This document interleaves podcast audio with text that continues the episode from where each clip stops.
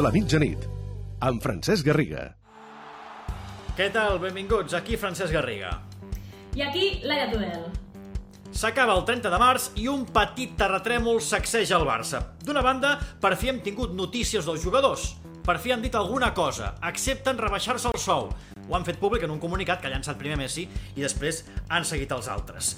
Hem dit que sempre hi havien estat a favor i han deixat un dart per la junta directiva. Cada vegada que hi ha un problema, cada vegada que hi ha un tema obert, els jugadors aprofiten per fer-ho. Aquí han dit que s'han sentit pressionats públicament i que la directiva o gent del club els ha posat la lupa públicament i que no entenen per què això ha passat. Sigui com sigui, cada vegada que hi ha un conflicte, els jugadors aprofiten per recordar, no sé si qui mana, però com a mínim que les seves posicions solen estar bastant allunyades de les de la junta directiva. Laia, al final, però, ja hi ha acord, el Barça pot tirar endavant aquestes mesures per salvar l'economia. Sí, els jugadors del primer equip de futbol es baixaran el sou, accepten aquesta rebaixa del 70% proposada pel club. El cap de setmana ja veiem com els capitans de les seccions professionals de bàsquet, handbol, de futbol sala, d'hoquei feien un comunicat també a les xarxes acceptant aquesta rebaixa de sou. Avui ha estat el capità Leo Messi qui ha fet aquest comunicat. El que passa que ha estat una mica amb un to, diríem, bastant diferent. Ara ho comentaves, eh? Ells en aquest comunicat sí que Messi ha dit i ha explicat que els jugadors accepten aquesta rebaixa de sou, però clar, ha afegit, primer, que els jugadors sempre han volgut rebaixar-se el sou, perquè sempre, i ha destacat aquest sempre, Leo Messi en aquest comunicat, que el club ho ha necessitat, ells han ajudat al club. Per tant, ha afegit també en uh, aquest comunicat que lamenta molt que des de dins del club s'hagin eh, explicat certes coses per pressionar els jugadors de futbol. Un clar missatge, com deies, cap a la directiva. Ha estat un comunicat que han compartit tots els jugadors del vestidor del Barça, tots els que tenen xarxa, xarxes socials, Instagram o Twitter com a mínim, per tant, en això estan units els jugadors del Barça i a més a més han afegit que no només és que es baixin el sou, sinó que faran una aportació extra perquè els treballadors del club no esportius, aquí el club, el Barça, ha anunciat que faria un ERTO, doncs puguin cobrar la totalitat del, del seu sou. Um, els treballadors ja han fet un comunicat també agraint eh, que, que això hagi estat així i no entenen que amb aquestes condicions el club presenti l'ERTO. Clar, és dilluns, és dilluns, home, Laia, podem fer que això encara sigui més dilluns, no? Sí, hem d'agafar un de les nostres Bs, un Besa, un Basses... És dilluns, Ramon Bes ens posa la seva opinió en aquest tema de la rebaixa de sous. Bona nit, família del Club de la Mitjanit. No sé com s'ho fa el Barça, però el que hauria de ser una gran notícia, una bona notícia, s'ha convertit, com és costum, en un conflicte entre la Junta i, i, i la plantilla. Acostuma a passar sovint i tinc la sensació que com més greu és el problema, més gran es breu la fractura queda clar mm, que no saben negociar entre les dues parts de manera corporativa.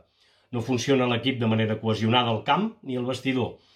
Un, eh, un a un, cadascú sap guanyar-se el seu contracte, però a l'hora de posar-ho tots en comú a la gespa, les coses col·lectives no acaben de funcionar. Tampoc funciona de manera col·legiada la directiva. Cada cop que hi ha un conflicte, com el que va ser el del digital, també es van veure que hi havia sèries discrepàncies. I després, quan han de parlar jugadors i directives, tiren els plats pel cap, no actuen d'una manera sincronitzada. En aquest cas, a més a més, crec que totes dues parts tenen una part de culpa. Els jugadors han esperat massa acceptar una proposta de la Junta que semblava fins a cert punt raonable, i la directiva ha utilitzat el Palau per pressionar el Camp Nou i ha fet passar els jugadors com uns passateros. Tot plegat, el que havia de ser una mostra de grandesa i d'unió s'ha convertit en un nou sidral. Molt trist per un club que en aquests moments crec que tindria la possibilitat de demostrar que és singular i el més gran de tots, com és el Barça.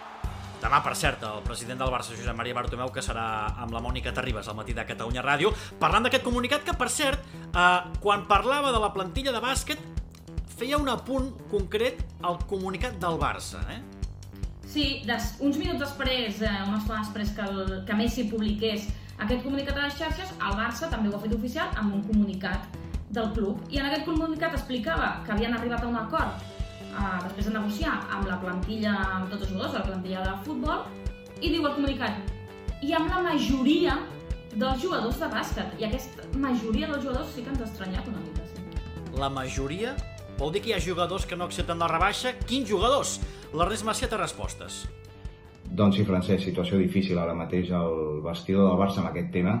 Eh, sobretot perquè no hi ha una unitat de criteri, hi ha disparitat de punts de vista, hem vist jugadors que entenien la situació, com és el cas de Mirotic, de Tomic, de Pierre Oriola, eh, la situació no només de l'esport, sinó també global, però n'hi ha d'altres que s'hi han o bé oposat o que encara no han donat el seu sí.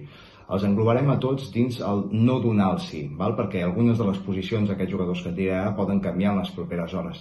És el cas de Delaney, de Higgins, d'Ertel, de Pau Ribas i de Clavé. El cas de Pau Ribas, a més, és més delicat perquè ell és vicepresident del sindicat de jugadors, per tant, per ell acceptar una mesura d'aquestes encara és més complicat, però el cert és que no ha agradat com se'ls ha comunicat la notícia i que no es pogués ni tan sols negociar el percentatge. Per això, eh, alguns d'aquests jugadors acceptaran la retallada, però no donaran el seu sí d'una manera explícita, almenys no l'han donat fins ara. No dic que en les properes hores no pugui passar, però a aquesta hora de la nit aquests són els noms que puc donar. A tot això, avui ha hagut reunió de la Lliga de Futbol Professional per seguir valorant l'escenari actual. Una reunió telemàtica amb tots els clubs de, de la Lliga i la idea i el desig de la Lliga es manté. Continua sent que les competicions de la Lliga s'acabin, que aquesta temporada s'acabi tant de primera com de segona divisió. I ara mateix mmm, contemplen una finestra que és la de l'estiu, malgrat sigui, per exemple, que aquests partits, això vulgui dir que s'hagin de jugar a porta tancada. Ara mateix aquesta és la idea que té la Lliga, evidentment, mm, segurament s'hauran de contemplar altres escenaris, però de moment la Lliga diu s'acabaran les competicions i on veiem que es puguin jugar amb més probabilitats és a l'estiu. No tenim dates encara, el que sí que tenim ja dates és pels Jocs Olímpics, ja podem agafar l'agenda.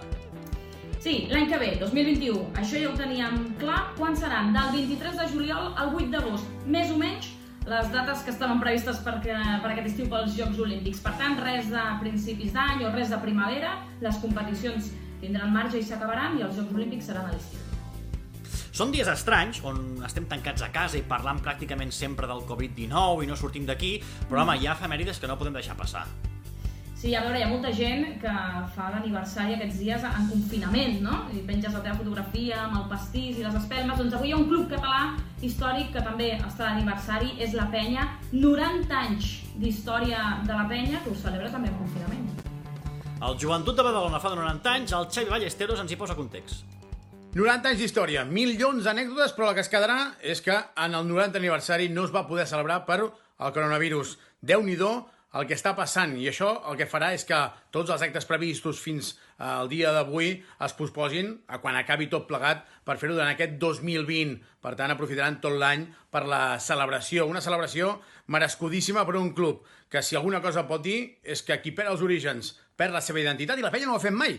I no ho ha fet mai guanyant títols, sent el primer club català en guanyar la Copa d'Europa i fent-ho amb gent del planter. Aquest segell, el del planter, és el que ha mantingut viu durant aquests 90 anys. 90 anys que van començar en un garatge, 90 anys que van començar amb uns joves eh, de Badalona que van fer que no només la penya tingui 90 anys, sinó que Badalona s'hagi convertit en el bressol del bàsquet europeu.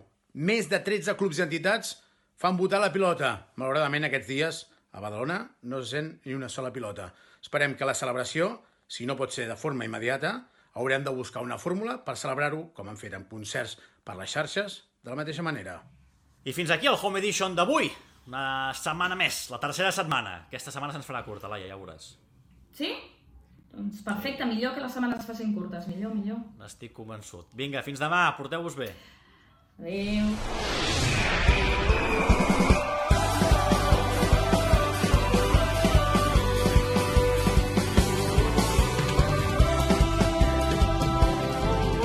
El Club de la Mitjanit